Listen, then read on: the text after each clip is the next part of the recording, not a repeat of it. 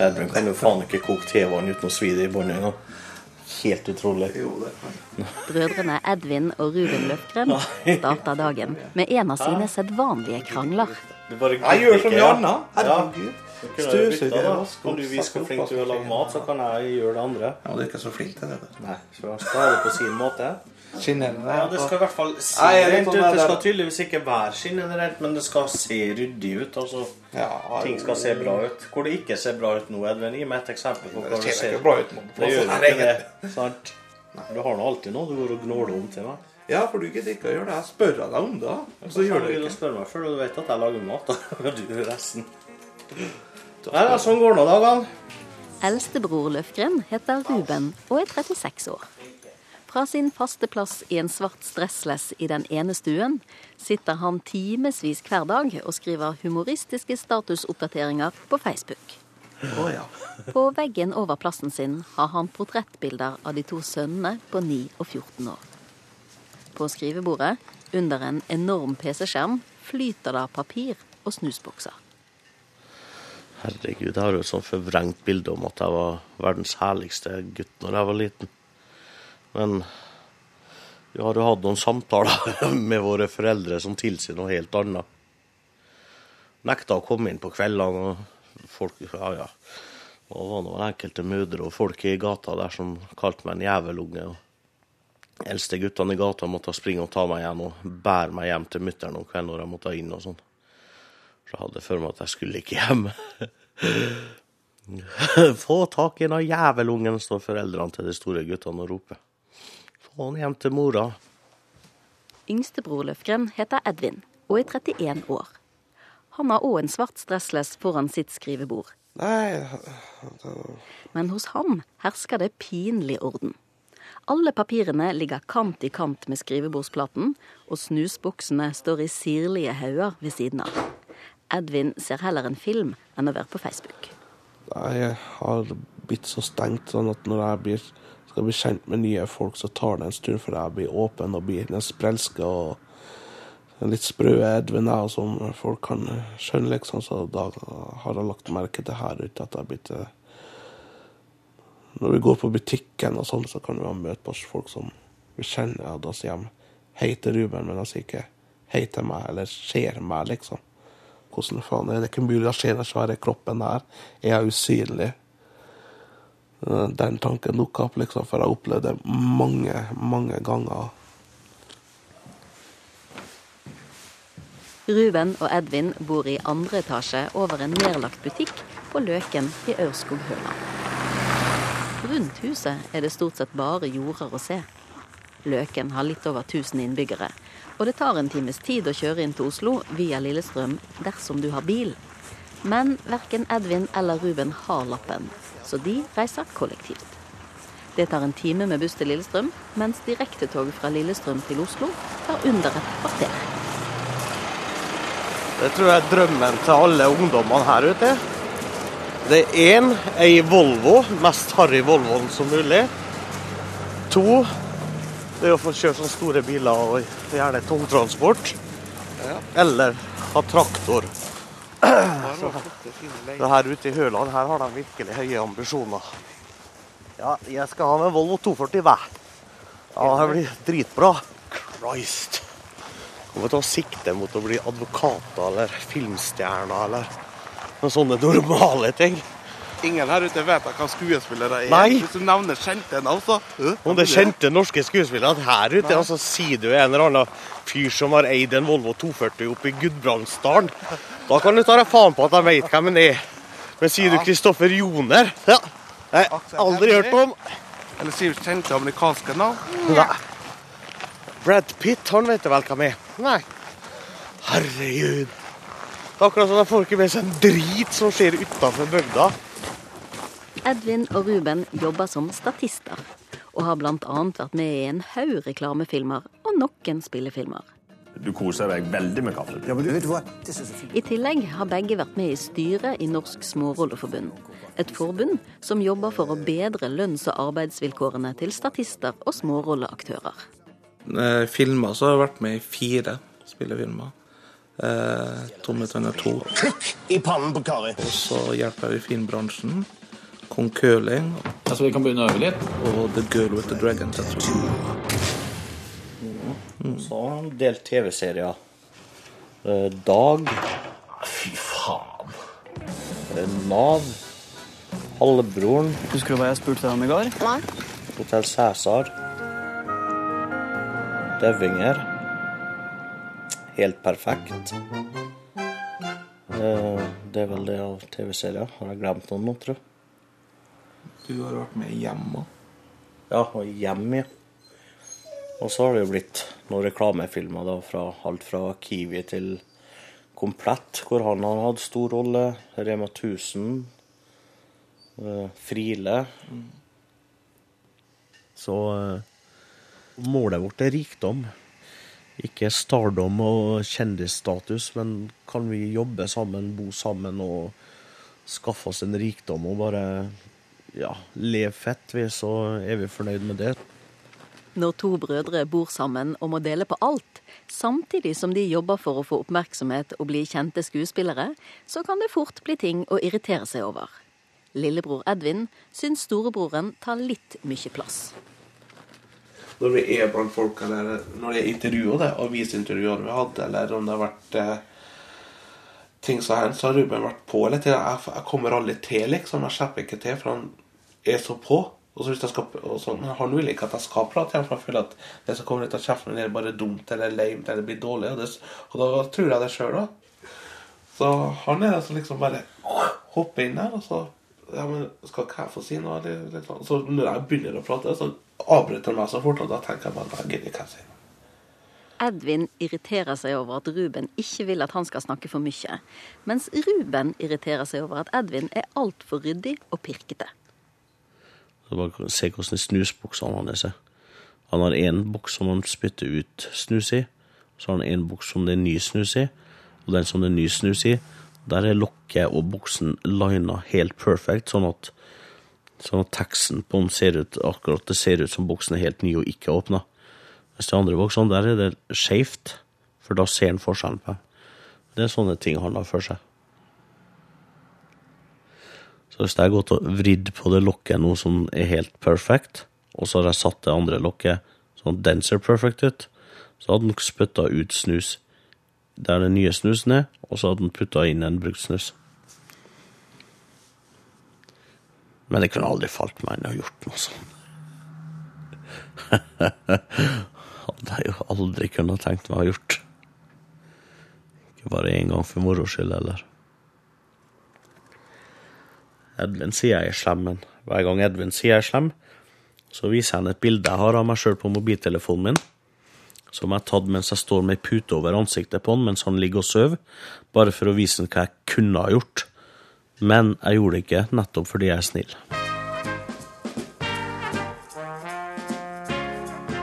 Ruben har bursdag og blir 37 år. Og begge brødrene skal inn til Oslo for å feire med kakespising på Halvorsens konditori. Ruben har sendt ut en mengde meldinger om kakespisingen til venner og bekjente. Det er standard når vi skal på buss og sånn inn til byen, så må vi ha oss en cola hver. Allerede skulle vi hatt en pose med boller. Det er det. Da har vi det vi bruker å ha. Skal vi ha boller, Edvin?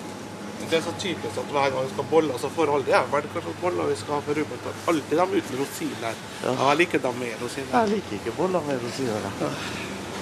Nei, så blir det, ja, da får du ta noe annet nå, så kan jeg Nei, hva skal jeg ta da? Jo, du bare ta boller, vanlige boller. Går greit å overleve. Jeg skal i hvert ta ha smultringer. Jeg fikk ikke lyst på det. Jeg fikk det. Jeg liker Jeg fikk det. Hva kan jeg få. Se hva du Hæ? Du røyste et Nei, tørr hud og gjør sånn. jeg det? Ah, Så, så. Ja. Det er til meg. Du skulle ikke ha sånn. jeg tar noen smultringer og åpner posen igjen. Vi er lokalkjennere oss sånn her ute. vet du. De er dritglade for å se oss hver gang. Sånn hver tredje gang vi er innom her, sånn, så må de ta opp en eller annen reklame de har sett oss i på TV. eller. Brødrene Løfgren har en humorserie under planlegging. Hvor faen skal vi få 5000 ifra? Den er løst basert på Edvin og Rubens karaktertrekk. De skal spille to dumme utgaver av seg sjøl. To Nav-klienter som kun er opptatt av bacon, kake og drømmedamer. Derfor har de en plakat med Pamela Anderson samt en blyanttegning av en pistol til pynt på stueveggen. Bildene henger igjen etter at produksjonsselskapet Slaughterhouse filmet en teaser med brødrene. Den skal få forskjellige TV-selskaper til å bli interessert i serien. Vi sitter egentlig bare og venter på at, hvis man, at det skal bli avgjort uh, hvorvidt uh, Vi i Løfgrenda, som vår serie heter, skal gå på TV eller web-TV. Så må det, det må slå seg fast først, og så må produsent ja, bryte ned budsjett og få ting på plass før vi kan gå i gang med innspillinga. Så stille periode, det her. Så vi sitter jo egentlig bare her og tvinner tomler og venter på et go, go, go. Brødrene bodde de første årene av oppveksten i Kristiansund, der skolen ikke akkurat var drømmestedet, forteller eldstebror Ruben. Og det var noe hendte vel av og til at man tok det der gode gamle stikktermometeret opp i lyspæra-trikset. Og 'Å nei, mamma er så sjuk'. Ja, det er du, gutt, men 70 minus, nei, 70 i feber, det var nå litt ille. Tror jeg beholder meg hjemme. Ja, det tror nå sannelig mamma. Jeg hadde ikke peiling på det der. Så det funka et par ganger, da. Men helt til hun forklarte meg at hadde du hatt så mye feber, så hadde du vært død for lengst. Nei, skolen, da. Det var, jeg var jo ikke noe skolelys, jeg. Hata matte, i hvert fall. Jeg tror mattelæreren min sa til meg en gang Ruben, du er så dårlig i matte altså, at det eneste du kan bli når du blir stor, er boksedommer. Alt du trenger å gjøre, er å telle til ti. det forteller hvor god jeg var i matte. Seks år etter at Ruben begynte på skolen, var det Edvin sin tur til å begynne i første klasse. Jeg begynte på en uh, skole der flesteparten av mine venner ikke gikk på. Det var kort, da, liksom. Jeg begynte på en annen skole, og flesteparten av mine venner oppe i gata der begynte på den andre skolen. Og uh, jeg husker ikke om den tida jeg begynte å legge litt på meg hva jeg var for noe, men jeg ble nå en mobbeoffer og stor fravær, mye tomrom fra både barne- og ungdomsskolen oppover, jeg på å si føler jeg også at lærerinna også var inne på mobbinga også. Det var litt sånn hard periode. Mutter'n var skilt og ikke arbeidet den perioden der. og Det er pga. helsa og sånn som så det der. Og var vel ikke i den topperste klassen.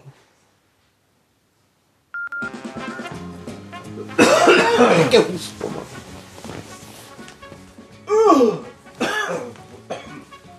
Det er stort sett eldstebror Ruben som lager middag på det sparsomt innredete ungkarskjøkkenet på Løk. Sånn pizza, ja. Hot mexican. Hæ? Herregud. Faen. Det hender Ruben spør lillebror Edvin om å overta på kjøkkenet. Da kan jo du få lov til å sette inn pizzaen og sånn i dag, du, da. Siden du kan det. Siden det er det eneste du kan. Sette min egen pizza? Ja, det skal jeg faktisk. Du kan sette inn min òg. Skal jeg steke mine egne koteletter i morgen? Nei. Nei, nettopp. I rest my case. Min jobb er å sette min egen pizza.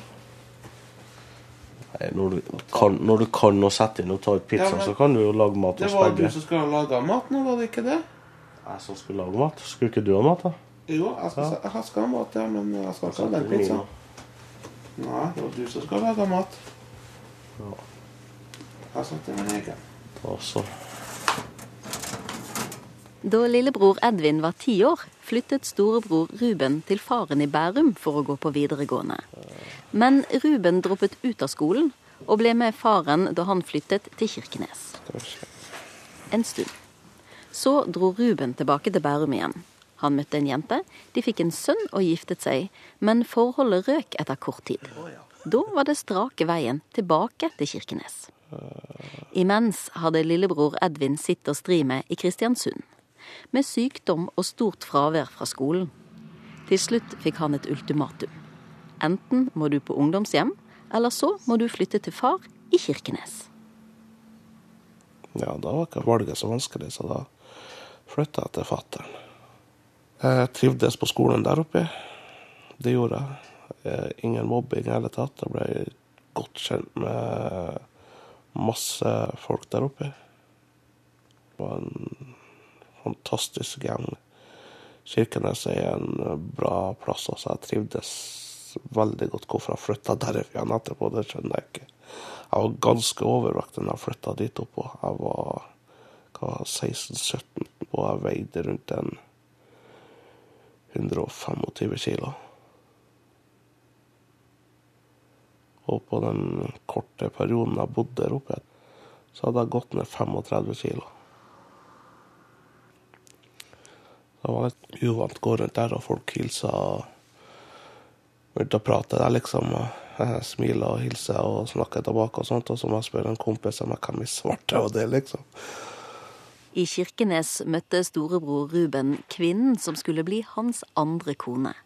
Og snart var Ruben far til sønn nummer to. Så flyttet familien til Alta. Etter en stund kom Edvin etter. Han fikk seg leilighet dekket av Nav, men kunne òg bo uker i strekk hos Ruben. Ja Nei, jeg sulla nå og lot det gå, jeg, men eh, jeg vet jo at eksen var jo ikke like glad i det.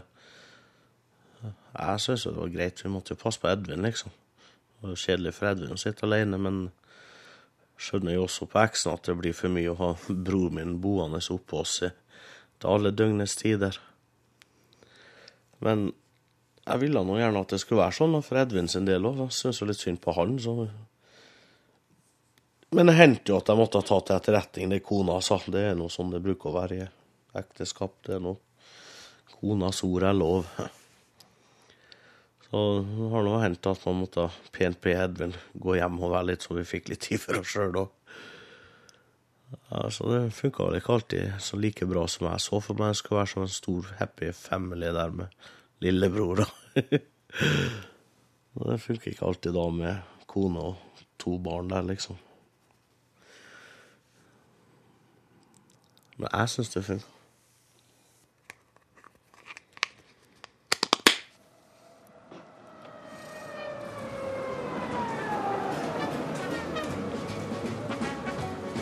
Det er enda noen timer til Ruben sitt bursdagsselskap på gamle, ærverdige Halvorsens konditori. Fulle trikker. Edvin har stått opp tidlig og er fortsatt trøtt. Oi da. Oi. Hva har du holdt på med nå? Jeg vet ikke om jeg gjespa meg på meg strekk over brystkassa her, eller om det var hjertet. Jeg vet ikke. En av to. Ah, ja, ja. vakkert. Oi, oi, oi. Det er da faen bare du som klarer det òg. Ja. Nei, det er det verste jeg vet. Og så har jeg liksom sånn eh, En Når man- man, man gjesper på seg et eller annet og man er usikker på om det er strekk eller hjerteinfarkt, det er verste som er. Ja, det er det. Så tok Rubens andre ekteskap slutt. Han gikk på fylla, dro sørover til familien og bestemte seg for å gi Løken i Ørskog-Høland en sjanse. Jeg tror det var en måned eller annen eller noe sånt det tok da før man tok tak i seg sjøl og bestemte man skulle flytte, og fikk Edvin med og for oppover og henta flyttelasset, eller pakka flyttelasset hans. Og Edvin var helt med på planene. Han forlot Alta og kom til Løken for å dele leilighet med storebroren. Shit, jeg har prøvd noe nytt. Så jeg gjorde nå det. Trengte ikke så mye overtalelse. Det var ikke sånn at de reiv og grep tak i meg. 'Du må flytte hit!' og riste meg, liksom. Og sånn så jeg der. Nei da, det var bare enkelt. Greit, jeg flytter hit, jeg. Bare opp og pakk. Flyttelass. Ingen visste hva vi skulle ha starten med, eller hva vi skulle ha gjøre. Neste holdeplass er Solli. Vi skulle på konsert med Prodigy. Og så var man litt, litt for hard på jegeren og sånn før konserten. Så jeg tror jeg fikk med meg litt av oppvarmingsspennet. Så møtte jeg et kvinnfolk, og så kom jeg til meg sjøl her en plass. Og så skulle jeg ta meg tilbake til Plaza hvor vi bodde. Det gikk jo ikke bra. Jeg ante jo ikke hvor jeg var. Brutter'n hadde jo robba meg for kortmappe og sånn, så jeg ikke skulle gå amok med penger. ikke sant? For jeg bruker å gå bananas, jeg, vet du. Jeg kan finne på hvis jeg er på et utested og sånn, så sier jeg at neste runde er på meg hvis jeg er godt Jeg har alltid spanderbuksene på, så det kan gå på en sånn smell. Ja, det blir dyrt. Så han kjenner meg såpass. Hadde jeg måttet tusle av veien her, så må jo fuglene vite hvor mange utesteder jeg klarte å snuble innom på tur tilbake til hotellet. Vi må bli forsiktige med sånn når jo oftere synene våre kommer på TV og film fremover, så jo, jo mer må vi sette en brems på den der, tror jeg. Neste holdeplass er Skillebekk. Etter å ha sittet mye inne i leiligheten på jordet på Løken det første året, satt lillebror Edvin og surfet på nettet og kjedet seg. Så fant han en annonse. Satt nå og surfa på nettet, og så var jeg på Finnbeb, og da kom jeg over at eh, Tomme Tønner 2 var på utsikt etter statister. Så jeg visste Ruben der her når han kom hjem fra turen han var på. Der han lette etter statister, skal vi bare være med på det for artighets skyld. Jeg er jo filmfreak som bare det, og bare for å se hvordan det er, liksom. Jo, Ruben var interessert, han også. Istedenfor å krysse bare én eller to dager for å være med, så kryssa vi hele ramsa nedover. Så fikk vi tilbud da fra husker ikke om statistansvarlig eller hva etter han som kom bort og spurte om vi hadde lyst til å ha litt mer sentrale eller litt mer foran kamera, liksom. Og Ruben bare Ja, sa han. Ble plassert foran scenen der, og jeg fikk rekvisitt en kebab. Tenkte jeg, oh, den kan jeg spise, så oppi, så var det bare salat oppi. Salat og litt agurker eller hva for det var ikke noe kjøtt eller noe saus oppi her. Jeg ble skuffa.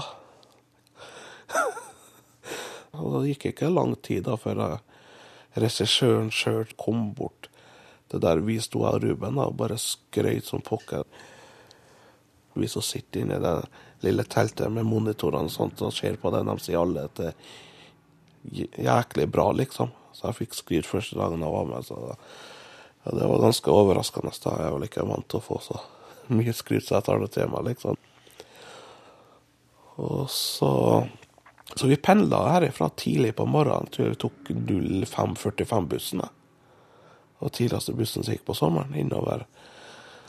Og vi fikk da betalt til kebab, da. Det var betalinga vår. Jeg ble jo kjent med noen av folkene. Da ble jeg på vennelista på Facebook. Og, og så var det premiere på Tomme tønner 2, og vi hadde gratisbilletter. Og så hadde Jeppe, en av skuespillerne fra filmen, skrevet liksom som om vi skulle på premieren, eller sånn sånn. Nei, vi trodde ikke vi nådde eller noe sånt, for vi hadde dårlig råd. Men vi var veldig ivrige til å dra. Så finner vi ut da på kvelden, sånn, så at, eller når det nærmer seg at shit, vi drar. Og vi visste at premieren starta da og da. Kommer inn døra, så står skuespilleren rett innenfor døra. Så står han Jeppe der, Stig Frode, Jenny Skavlan. og så ser Jeppe meg og Ruben da, og dritglad, begynner å strekke ut tennene og gir oss klem. og Godt å se dere, dere kom, liksom. Hva slags billetter har dere, sier til oss da. Nei, vi har nå to vanlige billetter, sier Ruben. Nei, nei, nei, det går ikke. Du, Stig Frode, har ikke du to ekstra billetter? Sånne VIP-billetter, da. Jo, jo, sier Stig Frode. Ja, ja, gi dem til dem, liksom. For to VIP-billetter, greit. Får se hvor vi skal sitte når vi kommer inn i salen. Går inn i salen, så ser vi at det er noen lapper som ligger på kinostolene der. Og, og der sitter ja, Ruben oss ned, og der sitter vi på samme rad som alle skuespillerne borte i filmen, og der satt vi.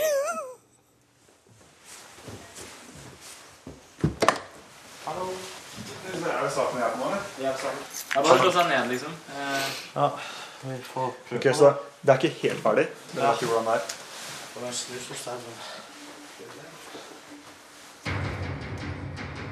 To unge, ambisiøse gutter på 17 år, Jaran og Jens fra Ullern videregående skole i Oslo, har laget en spillefilm som heter Everyone.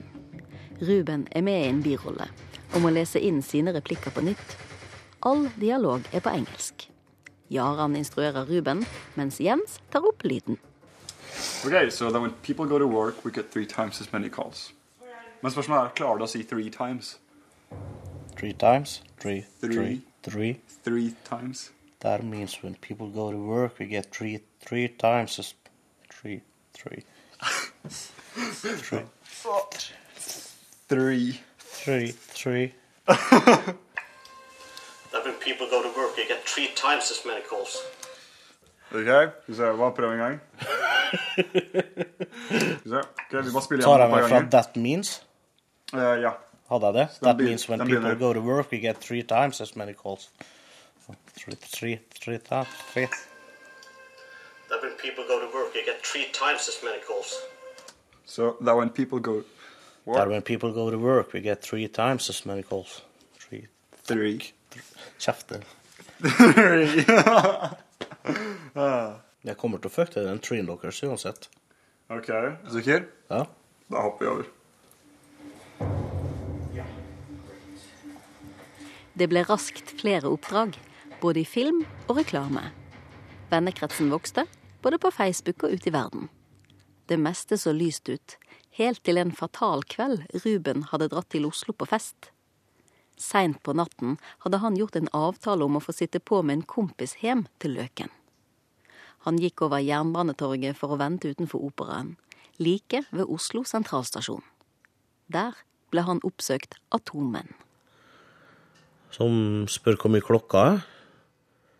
Ja, så så jeg nå på klokka og sa hva klokka var. Før jeg visste ordet av det, så hadde jeg kri på strupen. Jeg var to stykker og tenker jo ettertid at normalt sett så burde jeg jo klart å få unna den kniven og grisebanka dem. Men når jeg var så full og fikk det sjokket med kaldt stål på strupen, så fant jeg ut at her var det ikke vits å prøve noe. Eh, Så stoppa det Oslo-drosje, hvor de tok meg inn i drosja. Og tok meg med fra minibank til minibank. Og øh, fikk meg til å ta ut det jeg hadde av penger på kortene mine. Og ble tatt med inn i da, som også ble holdt mot min vilje, selvsagt. Og så jo for seg bilder i hodet at jeg ble liggende der som en stokken gris og blø, ikke sant? For de, de var jo ivrige å fekte med den kniven. Ja, og de sto og diskuterte et eller annet ute i gangen da, mens eh, døra ut, altså hoveddøra der, sto litt på gløtt. Og da så jeg mitt snitt da til å bare løpe ut derfra, samtidig som jeg klinka til han ene fyren, nærmeste fyren med albuen. Så fikk jeg tatt meg ut i gangen og løpt ned, og rett ut. Ruben fikk tilbake mobilen og kortmappen. Men politiet fant aldri ut hvem som egentlig hadde overfalt han. Og det er en opplevelse som har sittet i meg helt siden. Jeg er jo ikke glad i Oslo etter det, selv om jeg er med andre, eller om jeg er, i hvert fall ikke når jeg er alene. I hvert fall ikke når det blir mørkt i Oslo. Så jeg fikk jo året etter, da, rundt i samme tida som det skjedde det ranet, så fikk jeg så mye jeg fikk så mye uro, brystsmerter. Vi skulle jo inn til Oslo. Jeg hadde brystsmerter, hjertebank. Jeg var klein og dårlig i lengre tid. Og lurte på hva i svarte som feila meg, så jeg trodde, jeg trodde ærlig talt jeg hadde hjertefeil. For det er en sånn latent ting jeg har liggende helt bak i lillehjernen her, en sånn, at jeg har en slags hjerteangst. Angst for å få hjerteinfarkt eller noe sånt. Ruben gikk til legen, som mente at ranet hadde utløst en latent angst etter mange år med stress, stort ansvar i familien og samlivsbrudd. En vanlig jobb føles langt unna. De symptomene med brystsmerter, og du svetter, og det kribler i armen, og man blir kvalm og uvel. Og i og med at jeg har den der hjerteangsten, så er det den som kommer hver gang jeg får angst. Og den er jævlig ubehagelig, da, så det har også gjort at jeg har ikke følt at jeg kunne, kunne søkt å gå inn og tatt en hvilken som helst jobb igjen, fordi at filmbransjen er for meg en trygg ramme å jobbe i. Nettopp fordi uansett hvilket filmsett du er på, så er det nesten alltid en eller to der som du har jobba med på et filmsett tidligere. Jeg har jo et solid nettverk nå. Er med mange hundre nye venner på Facebook som man har bygd relasjoner. Og, og det gir meg en sånn liten trygghetsfølelse, da. At jeg vet det hver gang jeg skal på et filmsett, så vet jeg at det alltid er noen der som jeg kjenner. Når det tar tak, og jeg tror det er hjertet, da er jeg livredd. Sier ikke et ord til Edvin engang. Jeg får han til å høre på hjertet og sånn. Altså, men jeg sier ikke at nå har jeg vondt i brystet, nå føler jeg meg dårlig. Nå tror jeg jeg kan dø.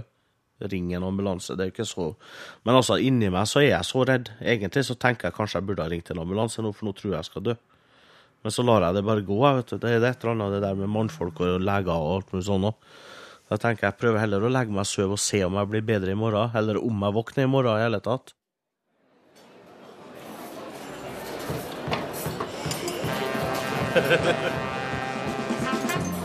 Det er høyt under taket på Halvorsens konditori, der Ruben har invitert til kaketreff klokken to. Det klirrer i porselen, og det skravles fra alle kanter. Ja. Å, tusen takk, Ellen. Marsipankake, hvordan visste du det?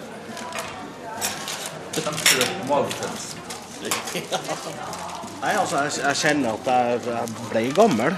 Og jeg tenkte etter hvor gammel ble jeg, liksom. 37. Ja, det hørtes fælt ut. Og så tenkte jeg, jeg skal ikke midtlivskrisa komme i midtlivet, skulle si, når man er 40.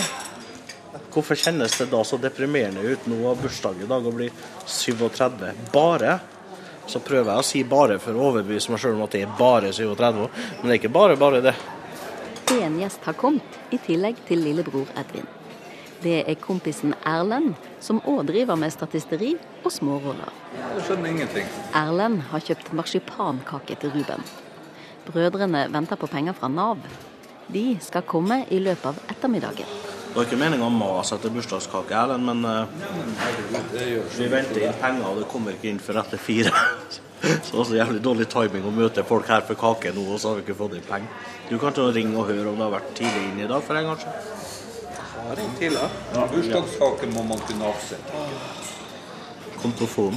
Edvin fikler med telefonen sin, og kompis Erlend vrir seg på stolen. Jeg skal gjerne med den kuffen. Ja, altså, jeg kunne gjerne tatt en cola, det var ikke det. Jeg skal ikke være vanskelig. Du burde kanskje rive i deg kake på deg òg. Nei, en cola går bra, det til meg. Snakker han rett Han fra levra? han har ikke bursdag. Ja, han snakker rett fra ræva.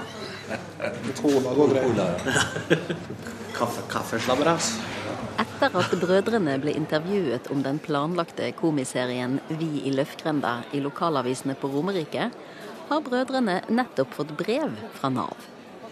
Nav har gjort vedtak om å kutte pengestøtten om to måneder. Det begynner dermed å haste med å få til serien. Edvin og Ruben har vært på møte med manusforfatteren og produsenten tidligere på dagen.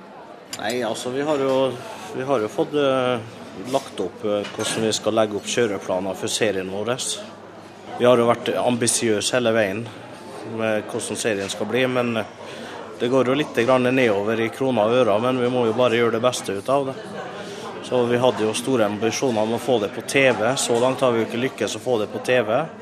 Så vi har mer eller mindre bestemt oss da, for å gå for å lage det i webformat. Og da blir jo budsjettene desto mindre også, selvfølgelig. Så vi må jo vi må jobbe beinhardt. Det blir lange dager å jobbe beinhardt og prøve å spikre, spikre en episode på veldig kort tid. Så håper vi det blir såpass bra at eh, det er ønskelig med en sesong to eller noe oppfølger av den galskapen. Så eh, får vi ta det derfra. Får vi nå se da hvor mye vi sitter igjen med i kroner og øre etter alt slitet. Det blir jo spennende. Skal Edvin ringe kontofonen sin? Klokken fire skal pengene fra Nav være på konto. Jeg tror det kommer inn noe. Jeg tror Skal vi ta et lite test på det her? Vi tar en liten test nå. Hva er klokka nå? Klokka er tre minutter og fire. Jeg tror pengene er inn. Skal vi følge med om noen av de gamle damene her snur kaffekoppen sin på hodet og retter hanken sin mot oss? Da betyr det at da er det på tide å gå. Med mindre hun har ræva full i penger. Da skal jeg vurdere å bli med hjem. Det er jo en sånn fin liten urban legend som går om det stedet her. Det er jo at de eldre sosietetsfruene bruker å dra hit og drikke kaffe, og så, så de seg ut en ung mann de har lyst på, som de gjerne vil betale for å få med seg hjem. Så når de er ferdige å, ferdige å drikke kaffe, så snur de kaffekoppen sin opp ned, så sikter de hanken inn på han de egentlig har tenkt seg. Det er et seriøst rykte som går om den plassen her. Hvorfor tror du vi møtes her så ofte? Ja, nå er klokka over. Nå må du bare ringe igjen. Edvin har ringt kontofonen, Hæ? men ingen penger har kommet inn. Var det ikke kommet? Å, faen. Det her var skummelt. Oh my god. Ruben må sjekke sin saldo i en minibank. Du, må- du må ikke stikke fra oss ennå, Ellen. Siden Ruben har bursdag, har han planer om å kjøpe en hel flaske Jegermeister. Er jaggu meg spent.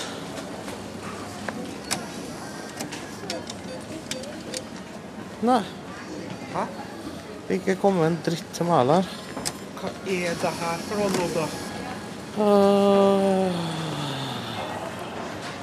Der gikk jo hele Jegermeister-plana i vasken. Faen. Når har dere bursdag? Edvin har 49 kroner på sin konto, mens Ruben har til sammen 24 kroner fordelt på to kort.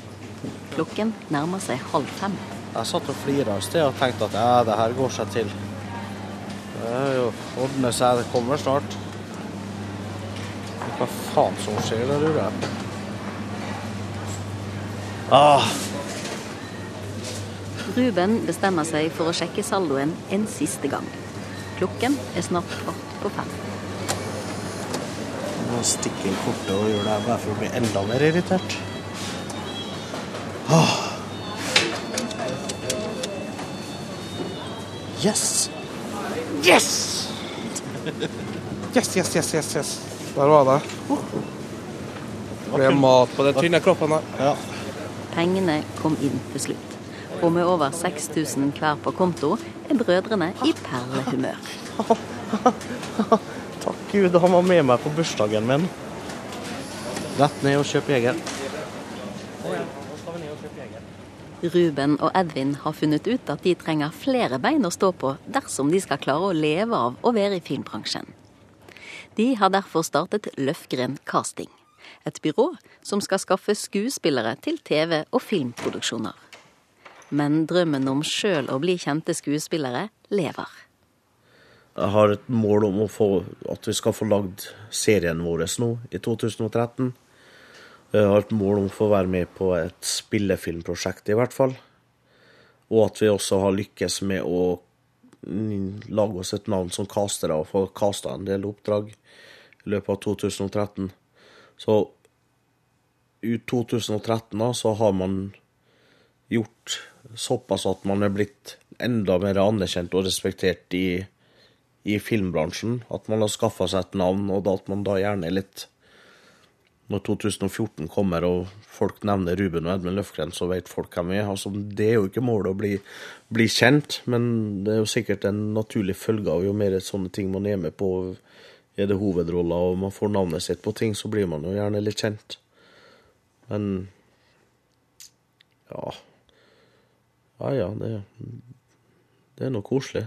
Det er jo Det er jo ikke alle fra barne- og ungdomsskolen som man har hatt kontakt med om man ikke allerede hadde vært litt, litt kjent.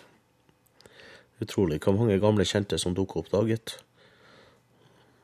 Jeg vet jo gamle kvinnelige bekjentskap man gjerne ville ha sjanse på før i tida.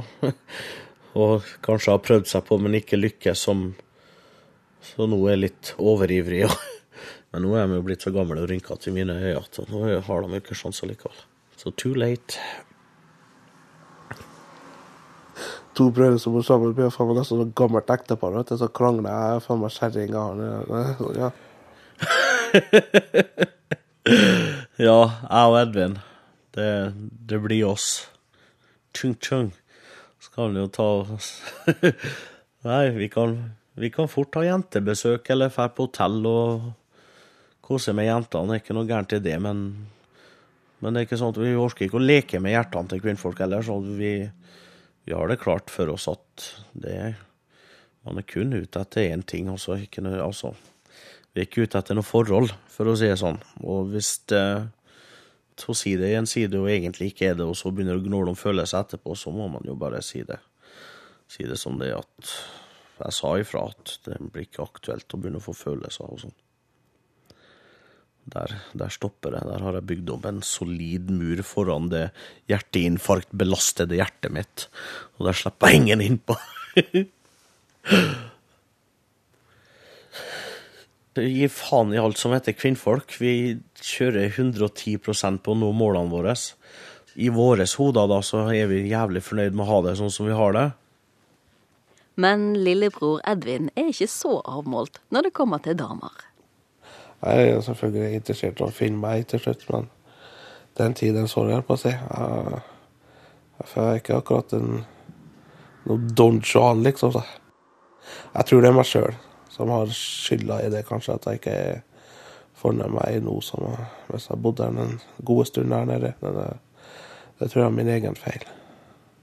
Ja, men man er glad i seg sjøl, hvordan kan man være glad i noen andre, liksom? Eller ja.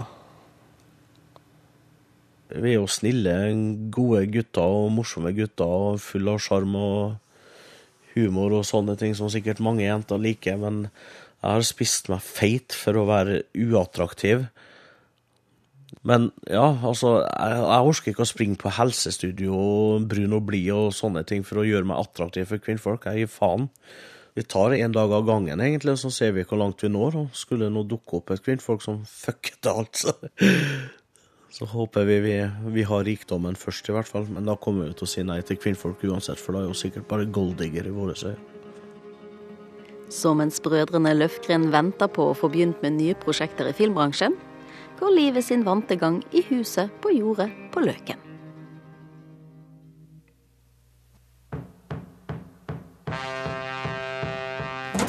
Gir to minutter til, da. Ja, nei, Ruben kan pizza, skjønner du. Hæ? Hva jeg sa Nei, jeg sa Ruben kan pizza, skjønner du, sa jeg. Ja. ja, hvis du vet du har redusert hørsel, hvorfor sitter du der og skryter på deg at du hører hva jeg sier innpå her, da? Jeg vet ikke. Jeg hører det. Jeg vil høre Det er fint her ute på bygda.